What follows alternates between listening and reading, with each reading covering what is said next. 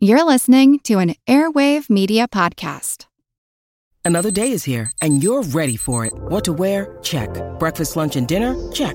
Planning for what's next and how to save for it? That's where Bank of America can help. For your financial to dos, Bank of America has experts ready to help get you closer to your goals. Get started at one of our local financial centers or 24-7 in our mobile banking app. Find a location near you at bankofamerica.com slash talk to us. What would you like the power to do? Mobile banking requires downloading the app and is only available for select devices. Message and data rates may apply. Bank of America and a member FDIC.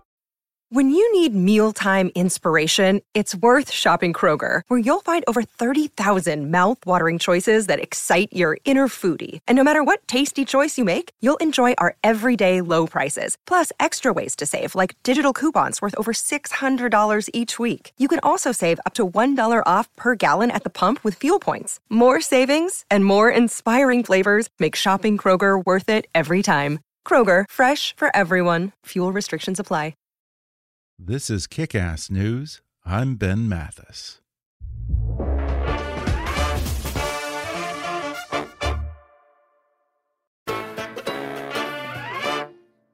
Well, folks, it's almost Father's Day, and it's actually my first Father's Day as a father. Our baby girl, Charlotte, just turned four months old, and I have to admit, it's finally getting fun. For one, she actually acknowledges me now, and not just with that usual hey schmuck look that I got in those first couple of months. She also looks considerably less like an alien than she did in those early days, and now I can honestly say that I have an objectively cute baby. And best of all, she's developing a personality of her own. A personality that I kind of like.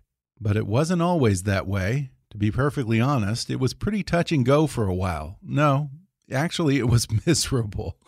Admittedly, there was a fair degree of skepticism on both sides of that relationship, and I kind of understand why some first time dads feel like a third wheel in their own family. You see, that's the kind of thing that no one ever tells you. Parents lie to you. They lie, lie, lie, lie. They say, you'll fall in love with your baby when she's born, or it'll be the greatest joy of your life from day one, or you won't feel exhausted because the baby will give you energy. Bullshit. Not true. Not true at all. But the one person who told it to me straight was comedian Mike Birbiglia. And in his brand new book, The New One Painfully True Stories from a Reluctant Dad, he talks frankly and hilariously about his initial hesitations about being a father and the trade offs we make to have a child that eventually pay off. Today, Mike shares how his daughter Una inspired his hit one man show on Broadway, which then led to a Netflix special, which in turn inspired his latest book. He discusses some of the seven reasons he never wanted to be a parent, the lies couples tell themselves when they decide to have a baby, and why those parents who try to push babies on other people are a lot like a disease, or a cult, or a Ponzi scheme, or a zombie apocalypse. He opens up about his wife Jen and his initial troubles conceiving, reveals that President Barack Obama was the first person to learn that they were pregnant, and recalls some pretty good parenting advice they got from the leader of the free world. He talks about the moment when he finally felt like a member of his own family again, the pleasure of seeing the world through his daughter's eyes, and whether or not this reluctant father might be ready to give Una a baby brother or sister. Plus sugar fries, snot suckers, magic sleep suits, and more. Coming up with Mike Birbiglia in just a moment.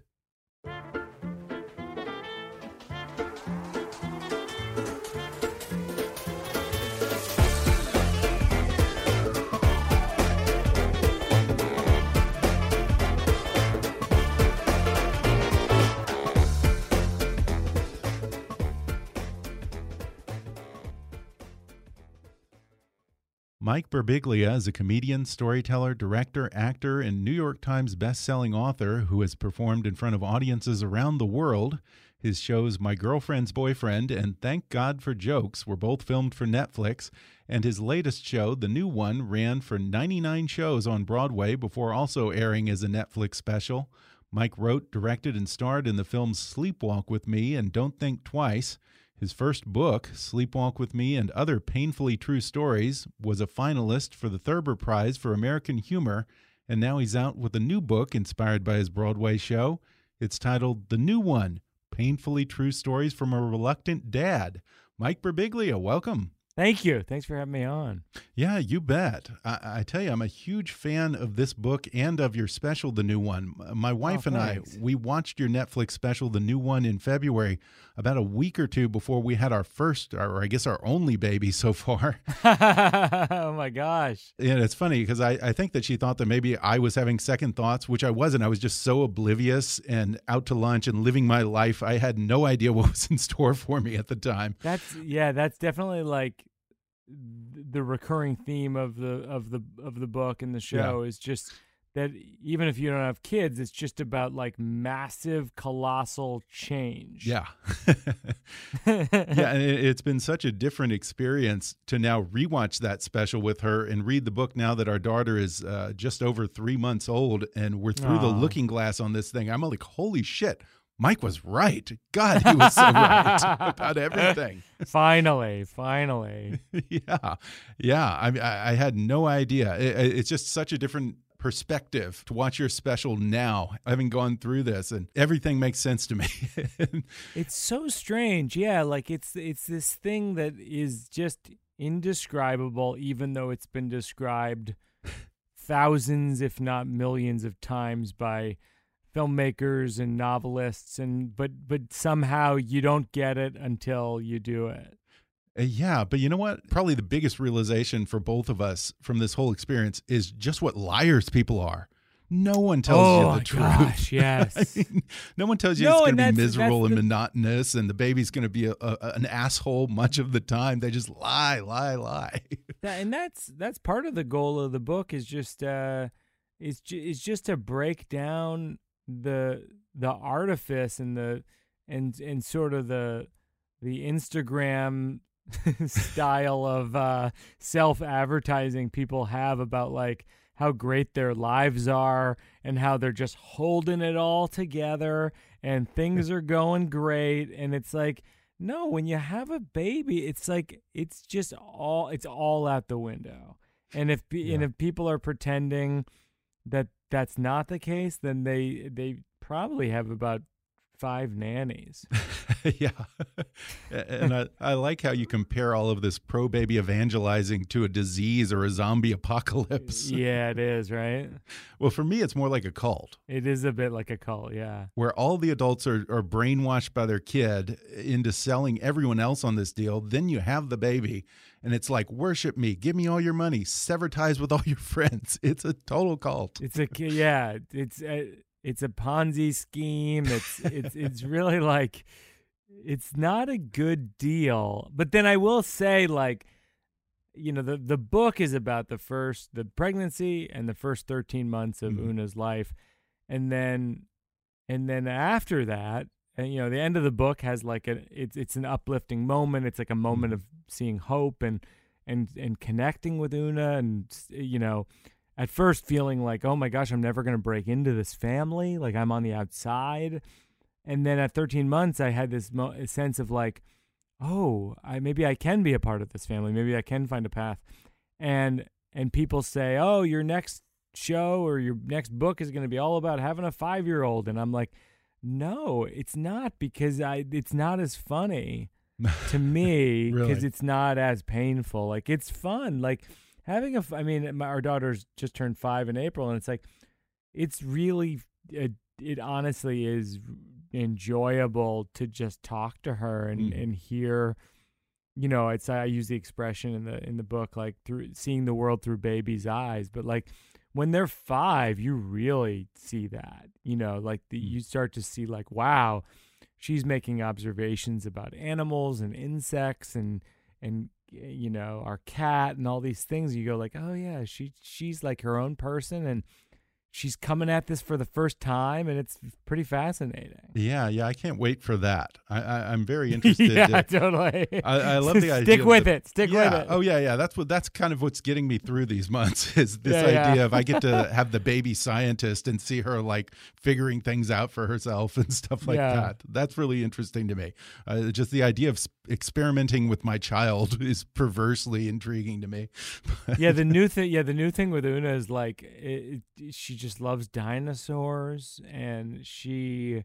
So we got her like this excavation kit where you like they send you like these bones that are not real, but artif- like real seeming bones that Yeah. are that are in sand, and she has to like dust them and all and excavate them out with a little uh, a little scraper, and and she just loves it, and like she and it's weird. It, it, it becomes strange because you're like she's five and she knows more uh, than me about dinosaurs and that just to me forecasts a lot more of that to come And that's saying a lot because I think that you say that one of your big things is going to the Natural History Museum. i know i love dinosaurs i can't i can't get enough of dinosaurs but uh Yeah. but yeah no she loves it Yeah, and it's interesting because in your book, you express one of your reservations was how this would impact your career having a baby. But it sounds Sure. like she's kind of been an inspiration and almost created a little cottage industry for you because you've had the Broadway show, you had the Netflix special, now the book. Um, how did all of this begin? And when did you decide that you could finally use this in your act? Well, my wife always makes fun of me because I'll I, I I'll, I'll constantly say, or I used to constantly say, like, I think my career is sort of plateauing at this point, and and she, she would go like, "You're on Broadway." Like I don't know what to tell you. Like you're out of your mind, and and uh, yeah, it is weird. It's like yeah, I mean, I think that that it just goes to show you that nobody nobody knows anything because Mhm. no, I truly did think like I guess this will be sort of the end of of uh, my career ascending in any way. I didn't think that my career would end because you know ultimately I'm just a writer and a comedian and I can always find an outlet for that and there's people who who listen to my work and watch my work and read it. So there's always going to be something there, but I did have a sense of like that that the growth of career would end and it's not really true because the you know the point the i think no matter what you're talking about whether it's about having kids or not having kids or whatever your experience or aging or whatever your experience is if you're true if you're increasingly truer to yourself uh, and honest to your audience that every every step of the of the journey is worth uh, tuning into Mhm. you know like I, I think it was like Elia Kazan says in his book on directing he talks about how you know for him the directors movie directors who are less interesting are the ones who try to pretend they aren't aging you know they try to they try to make young movies Right. and Yeah. his and his whole Yeah. thing is like embrace your age. If you're aging, write about aging. Direct a mm. movie about aging because that's what you know about. And and I think that uh, that's really good wisdom from him. And I and I feel like has proved true with this show and this book, which is like, yeah, I didn't want to become a dad at first, and now I'm a dad, and I I do want to be a dad, and I'm gonna try to go inside of that and try to explain that to people. Yeah, and I also want to mention your wife is a poet, and she wrote some beautiful poems for this book, which sort of take a little bit of the bite out of your rants about kids and parenting. sure, yeah, yeah, Is absolutely. Is, that the first time you two have worked together? we it's the first time we've collaborated as co-writers. Like in the past, ever since you know we she and I met uh, over 15 years ago. We got married, I think, 11 years ago, and um, she was like a credited producer, consulting producer, associate producer on both of my movies and on on some of my shows and specials. And uh, this was the first time you know she's been she's been a poet for years and she's been writing under a pseudonym. She's a lot more. The joke I always make is like she's an introvert and I'm an extrovert, and an extrovert gets energy from being around other people, and, a, and an introvert doesn't like you. Uh, or she might like you, but she's gonna she's gonna need me to explain why we're leaving the party.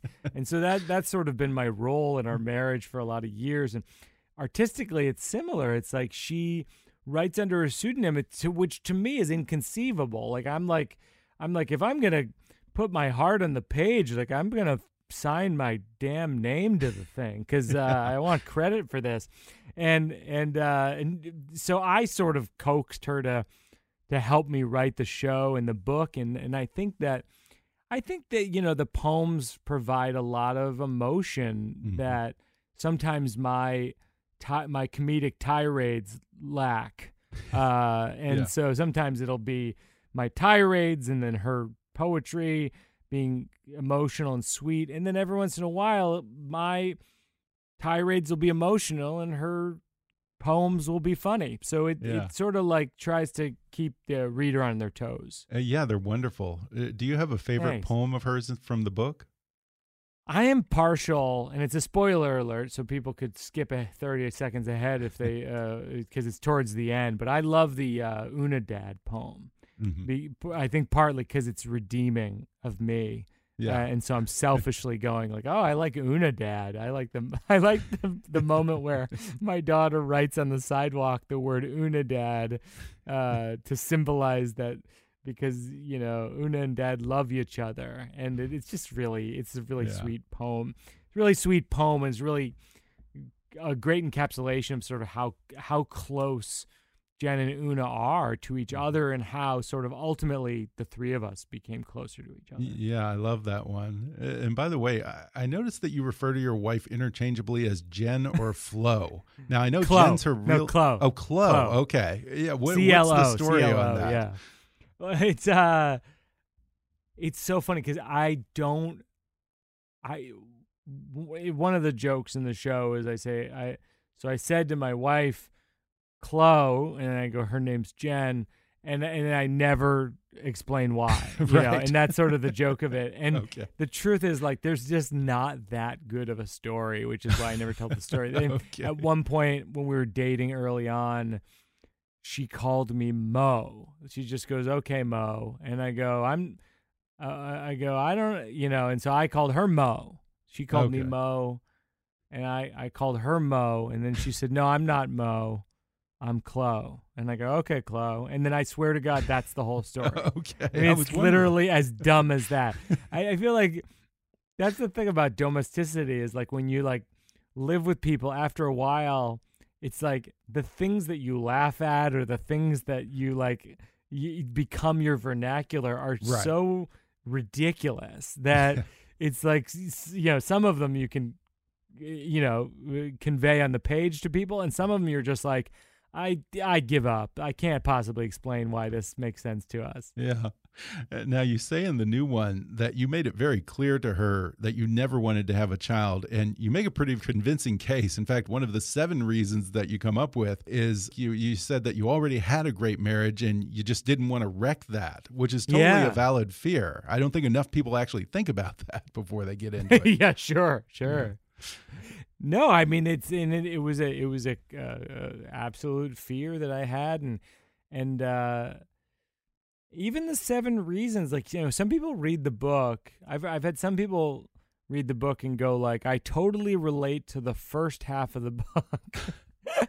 And the second half of the book I enjoy but I don't relate to. And and that and that's because like the first half of the book is all the reasons why I n- I never wanted to have a child and the second half of the book is how I had a child and why I was right about the, what I said in the first half and uh, Yeah. and then ultimately why I was wrong and and uh and sort of that's where it becomes Mhm. emotional but like but yeah I mean you know certainly in these times you know between uh you know all that's going on with the the protests and covid and I mean it's such a volatile to say the least time it's a troubled and volatile moment for our country and for the world and so I, I'm really making the case for it in that first half. Uh, and I'd have, if I'd written the book uh, two months ago, I'd have a lot, even more to talk about in that first half of the book. But but I, I still I still hold to the idea that that that ultimately you know it's that it's worth it like that it's you know we're in a troubled world and all you can do is your best and and and try to support people who you think are doing positive things and uh i mean it's Yeah. complex i think i think Right. that for me for me the comedy that doesn't feel sincere is co- and and that i don't enjoy as much is comedy that ignores reality Mhm. that sort of pretends it's not there i think for me for me the the comedy that really you know it's it's the reason why Richard Pryor holds up you know 30 you know 30 years later is because he so clearly is acknowledging his his own pain and the pain of the country and the pain you know and and and yet he finds the humor within that and Mm. and that's why he holds up Yeah. So when you and Jen decided to have the baby, I wonder what kind of lies did you tell yourselves about what that, what that would mean and how it would impact your life? I mean, what are the lies? I mean, I think that Because I think we all do it. no, I th- I think that's right. I mean, one Yeah. of the lies, and we don't talk about this extensively in the book, but it's like one of the lies is like Jen. Jen was like, "We'll get, we'll get a lot of babysitters, you know, and all, and all, and and our lives won't change." Blah blah blah. And of course, none of that was true. It's like we didn't get babysitters for like so long. We, st- like it was, it, and a lot of that is, it's no one's fault. It's like literally, you don't know what your child, you don't know who your child is until you meet your child. They're in the world, and then, you know, and then and then it's Una. You know, before it was like we're gonna have a baby, and then you're like, well, now we have Una, and that's a totally different thing. And and so you know, I'd say like, hey, let's go out on a date, or let's well, let's get a babysitter, and Jen would be like, well, what are we gonna do about Una? And I go, well, we'll get a babysitter, we'll get someone we trust. You go. I'm not leaving Una with a baby. You know, it's like that kind of thing where Right. where it's like we'd leave a ba- we'd leave a baby with a babysitter, but we're not going Right. to leave Una with a babysitter. It's like two different, two totally different ideas. We're going to take a quick break and then we'll return with more when we come back in just a moment.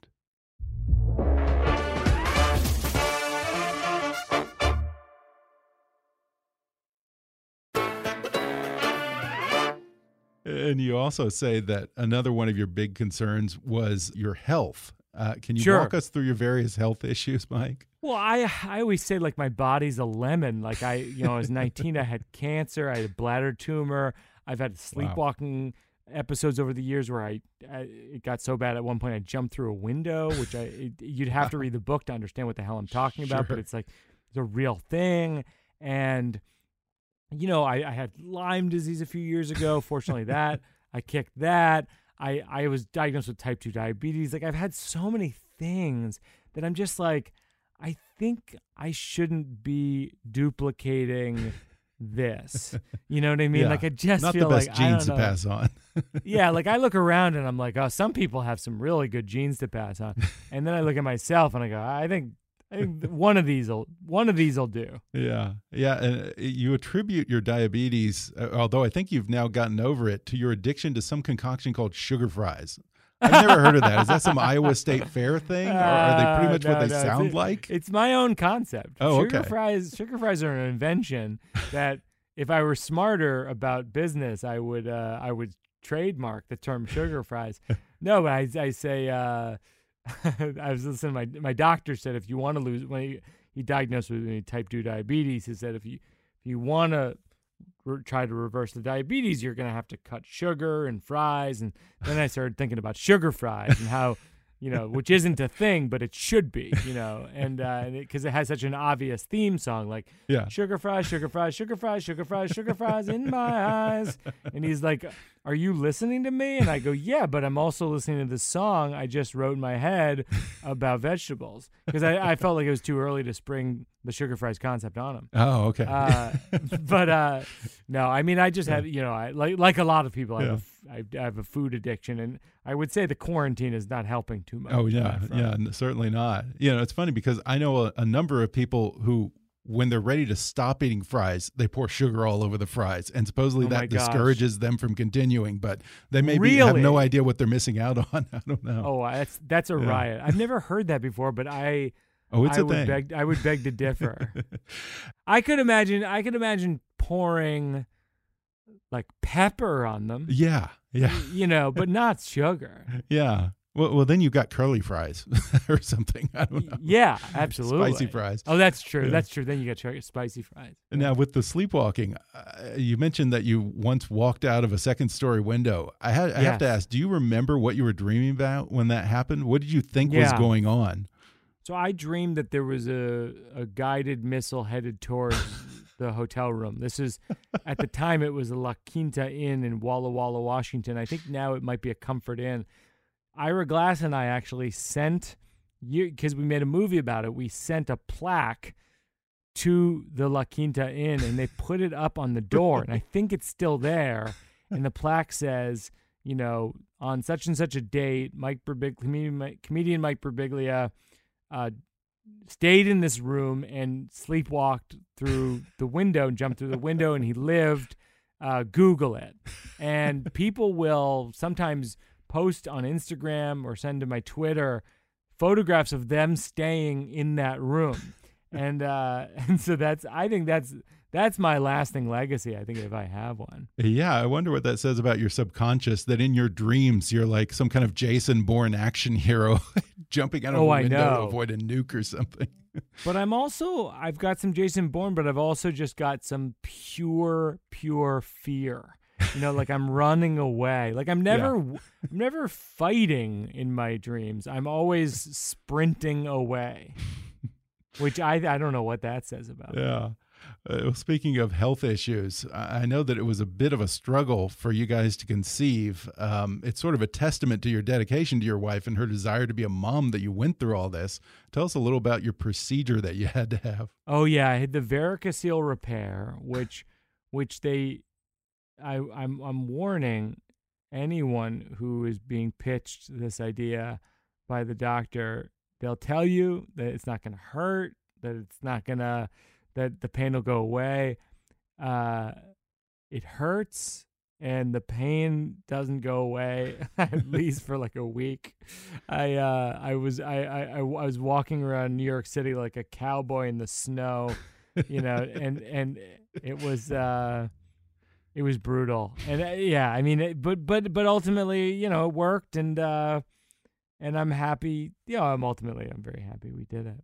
Well, yeah, eventually she did conceive. And is it Yes. true that Barack Obama was the first person that you and your wife told about the pregnancy? For we say in the book it was first. I say first or second. It was you know a lot of that was based on on Jen was just so she like I said she's a poet. She's very shy. She's introverted.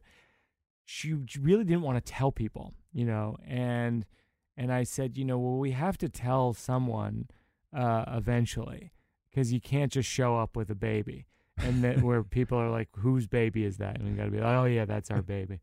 Sorry, we didn't mention it. So we're waiting in line to take a photo with Barack Obama in this big line and, and it was, you know, sort of a dream come true scenario. And uh and I said, We should tell the president that you're pregnant and she said, oh, okay, you know. So we get to the front and I said, Mr. President, this is my wife Jen. She's newly pregnant, but don't tell anyone.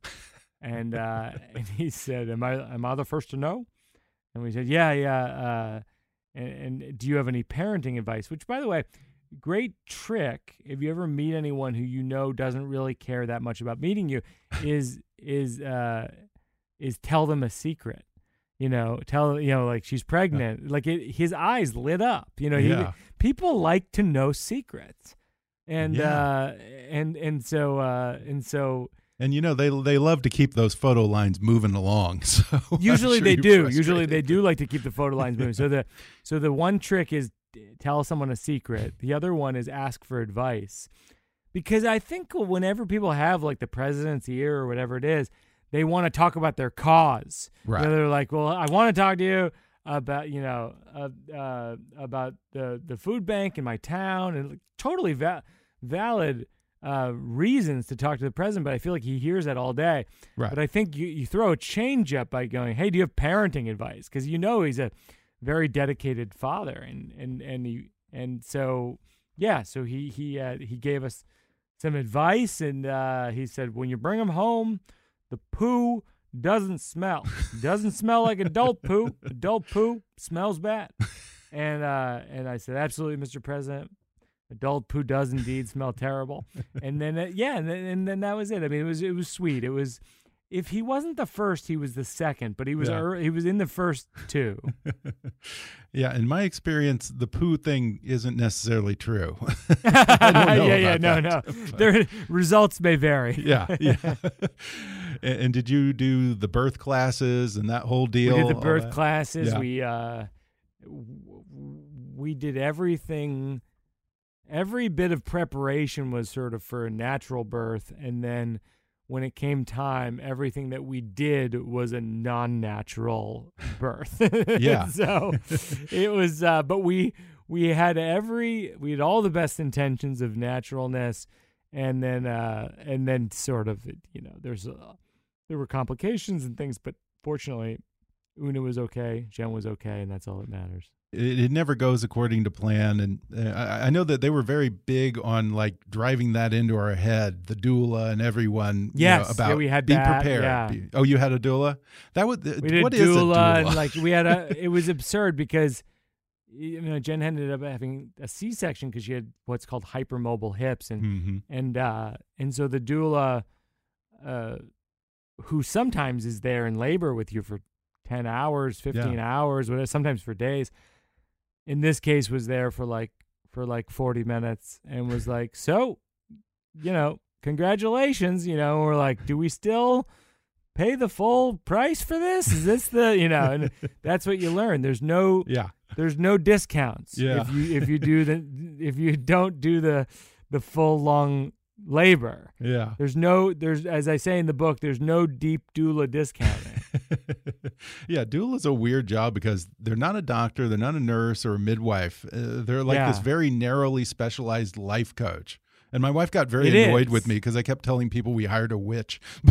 no, it's it's uh I think it's a totally valid profession, but I I also I'm not exactly sure what happened b- between us and the doula. yeah. I think uh, I think uh, again again results may vary. I think like some people have an extraordinarily deep uh, experience with the doula. They have like they're you know you hear people say like I couldn't have done it any other way and we're still friends with our doula and she comes oh you know what I mean like there's this whole thing Right. where people have a profound doula experience and i think that's part of the reason why it's such a popular phenomenon but then yeah with us it was sort of just like okay nice to see you and then uh yeah we're on our way Yeah, and I love you for calling out uh, this weird phenomenon in these classes and with doulas and people where they they say baby instead of the baby. I was It's- all I was wondering what is that about? That's so strange. i think the idea is that if you say i might be getting this wrong but i'm just i'm gonna take a stab at it All if you say the baby that it's like an object like Okay. it's like the it's like the dresser or the chair as opposed to if you say that makes sense. baby it's like a person Okay. it's, uh, i don't know That makes But- sense. That actually I'm- makes sense. I- That's the best explanation. I, I might had. be wrong. I Yeah. may be wrong. I mean, I'm I'm just sort of taking a stab in the dark, but I also find it to be completely annoying. Mostly just because my whole life they just say, "So the baby's on the way," you know, the baby's on the way or whatever. Yeah. And then at a certain point, people go, "So baby is on the way." You know, you're like, "Uh, "All right, does that mean I have to say that too?" I don't know. Yeah, so you have the kid, and uh, you know they always say that the mother becomes a mom when they're pregnant, and dads become dads when they see their child for the first time. I don't know Yes. about you, but that was not my experience. It was I didn't have awkward I for a long that. time. and that's and that's part of the that's one of the hopes of the book is with Mhm. people when when people read it is that they have a sense of like it's okay if you don't experience your parental milestones the same time everyone else experiences their parental milestones you know like I, the the thing you're saying is like the conventional wisdom uh, a mother becomes a mother at, at such and such point a father becomes a father at such and such point what i've found from people who've read the book or seen the show is i've had mothers come up to me and say like i i so relate to your experience because for the first year i wasn't connecting with my baby and i i was so worried. I was so scared. And and i've had fathers say the same thing to me but like but i i think people would be surprised at how many mothers say the exact same thing to me yeah, about about my experience as a father. I mean that that's definitely one of the Mhm. experiences I've had through talking about this so much, talking about it on stage, talking about the book is like is like none of this stuff is actually is is gender rigid or gender specific. Like people, you know, mothers feel alienated from their children sometimes, fathers Sure. feel alienated from their children sometimes.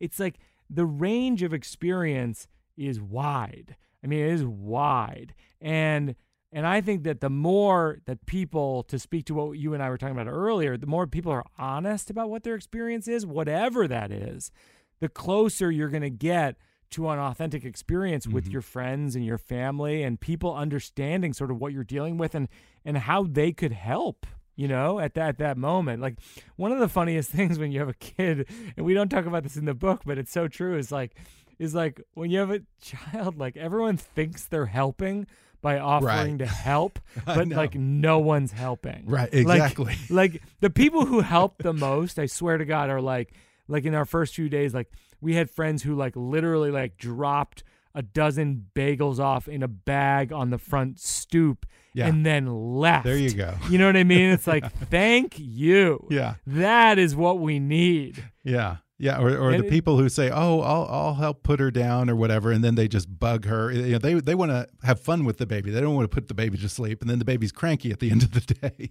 Th- that's right. And then there's Yeah. yeah. so many there's so many people who quote unquote help and those quotes are very very uh nebulous. Yeah. And one of my favorite parts from your Broadway show was this great moment when all of the toys and the crap that you have to buy Oh, for the baby falls from the sky on top of you. Yeah, and there were a lot of things I recognized the sleep suit, the basket, the swing, the snot Oh sucker. That's got to be the worst, I think. Yeah, I mean that moment in the show was was uh madness because it's essentially like if you haven't seen the show, it's on Netflix and it's like if people are listening, the, what happens at a certain point in the show when we have the child is all of these like toys and bibs and boppies and blankets just fall from the ceiling. It's like hundreds of things. And and for people who don't have kids, they're sort of like, "Oh, I get the joke of this." And for people who have kids, they're like, "That's exactly what my living room is like." yeah. Now, were all- were all of those the actual items that you bought for they your They really baby? were. Yeah, Really? yeah. The first time Jen saw the set, she goes, "Oh, it's not like a joke. It's like our actual living room." And I said, "Yeah, I mean that's Beowulf Boritt, our our our, um, our Tony Award winning set designer, designed all that stuff, and and it was it's a little bit of a magic trick because I I, I walk around the stage and I pick up like, and this is a bib, I was wondering is a binky, about that. How do you find all and that th- shit? There's like three of each, right? Oh, okay. So so so like I was wondering that. from the audience, you can't tell that there's duplicates because there's so many of them. yeah. But like essentially, like if it's not here, it's there. If it's not there, it's another place. And and the other thing is the heavier, the heavier stuff is farther upstage, and so like yeah, I hope so. there's like a like a car seat, for example, like falls and it's you know it smashes, and people in the audience are like scared to death. They're like, "Are you gonna be okay?" And I'm like, "Yeah, yeah, yeah." Like literally, like anything that could kill me is like at least 15 feet away from me, which is not saying much, but it's it's something. Still, I was wondering about that because some of that stuff looked heavy. No, I mean it was yeah. it, it definitely the first like 10 drops I was half thinking like so this is how it's all going to end. yeah, instead of a sandbag, you know, like in the yeah, yeah, yeah, exactly. yeah, and that snot sucker is the worst, though. I have to say. And it Oh, used yeah, to be they had the turkey baster for that. When did we decide that it's necessary to suck the snot out of your Suck- kid's nose? yeah, yeah, yeah. Sucking the snot Ugh. is a level of dedication that only I think only parents have. Yeah. And maybe medical medical professionals maybe. I don't know. did Did you spring for the snoo? For the I don't have the snoo. I don't know the Okay. snoo. Well, good. You're smart. We we spent twelve hundred bucks on a snoo, mm-hmm. and that thing was a nightmare. I mean, I couldn't sleep not because of the baby, because all the noise coming from the damn snoo. And just when she would start to fall asleep, this snoo w would say, "Let's make a bunch of racket now," and shake her in ways that the parents would be arrested for doing. we we send it back. Everyone swears by the snoo, but I've only heard lore of the snoo. Is the snoo and this is I'm getting I'm running into Seuss territory here, but is the snoo new? Because our daughter's five and she might not have Oh, been maybe. alive when the snoo was new. Yeah, I don't know. I know it's been around for at least two or three years, There you go. and people swear go. by it. But it, it I was think the it's worst. I, for I think it's I think it's new new to market. Yeah, maybe so. Yeah, Yeah. yeah. It, it, it was The biggest not a thing- good experience. the biggest thing we make fun of in the show, and they've tweeted at me, which is hilarious, is um is this magic sleep suit, which is essentially like you put. It's almost like a snowsuit or something that sort of hugs the baby, and Yeah, that w- that worked for like a, two or three days. You know, so many of these things you buy them, and then they work for like a day, and then they never work again. right. Because the baby's constantly changing and evolving. Well, the baby's essentially trying to conquer you Right. every d- day by day. What's the deal with the magic sleep suit? Is it weighted or something like that? I think that's yeah. I think Yeah. that's the idea. Yeah. Yeah. Yeah, we had the sleep sack. We we're still using the Yep. sleep sack. Sleep sack. Yeah. Yeah, and you sleep in basically a sleep sack yourself, right? I sleep in Because a, of- a- basically a grown up a grown up sleep sack. Yeah. yeah, that thing looks very uncomfortable. I, can't even imagine. It's okay. I mean, it's I have to say like it's it's harder. It's much more challenging in the summer, but in the winter it's sort of comfy having a little sleep suit. Um, when when I get in it, my wife says it's time to get in your pod, and uh, and that's what I do. Uh, As we wind down, I have to ask your thoughts on something. Our baby Charlotte is about to enter the dreaded fourth month sleep regression. Got any advice? Oh my gosh. I have I mean, I have to say like we had no regression and we had no progression. We the first Really? year was I I I'm convinced that uh, Oona just basically didn't sleep for a year. Like there was ne- there, there was never hope. There was never a sense that she'd ever sleep. Uh, we, you know, there's a chapter in the book called "An Insomniac and a Sleepwalker Walk into a Bed," and it's and that was that's that's the whole thing in a nutshell. So I I don't have I I don't have advice as much as I I have empathy. okay, fair enough. Just know that the Yeah. like everything, this too shall pass. Yeah, yeah. By the way, I, I also want to give you credit for talking about this whole idea of joy or happiness in parenting and the- Sure. the, deal where everyone says it'll be the greatest joy you'll ever experience. Oh I feel like gosh, joy and happiness are maybe not the right words for this. I feel like maybe we need to expand our vocabulary. And you you've referred to dark joy. dark What's- joy what is that versus about? light joy. Yeah, there's Yeah. a whole chapter about about how when you're in your 20s you have a lot of dark joy and and and and dark joy usually has to do with things that you know you're you're uh, you're up at 5 in the morning hanging out with a guy wearing a snake and uh and eating 15 pounds of chocolate and like and and and and sort of you have this sense of like who cares? It'll be fine you know. And that Right. sort of dark that's the fun of dark joy is it's just a wild card. And i think that in your you know for me it was in my 40s like in your 40s you have a sense of like there's joy but it's more light joy. And light joy is sort of like the baby took a bite of a muffin. And then you have to be like yes it did. It took a bite of a muffin.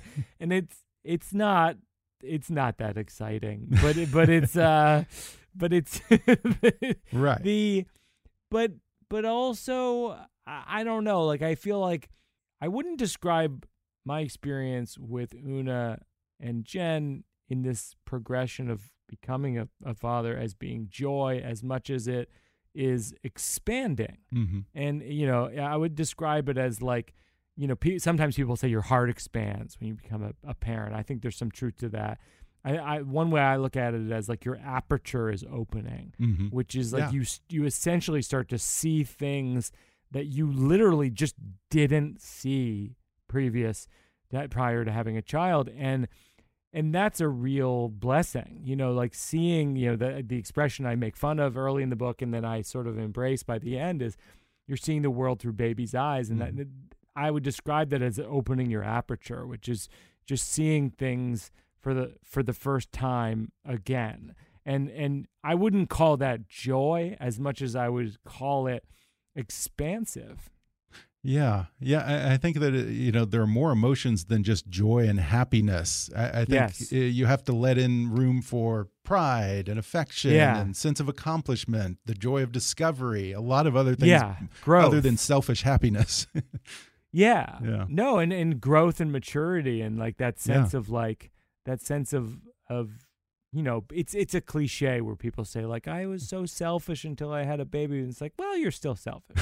but uh but now you you uh maybe uh see things in a little bit, you know, in a different way. sure. Uh but but yeah, I mean Yeah. but, but yeah, I would describe it that way. It's like it's like uh it's you know, I, I at one point in the book I say to my brother um I ask him for advice, what's it like having a child because he has two children and he says if you have a child, it's not going to be better or worse. It's go- just going to be new.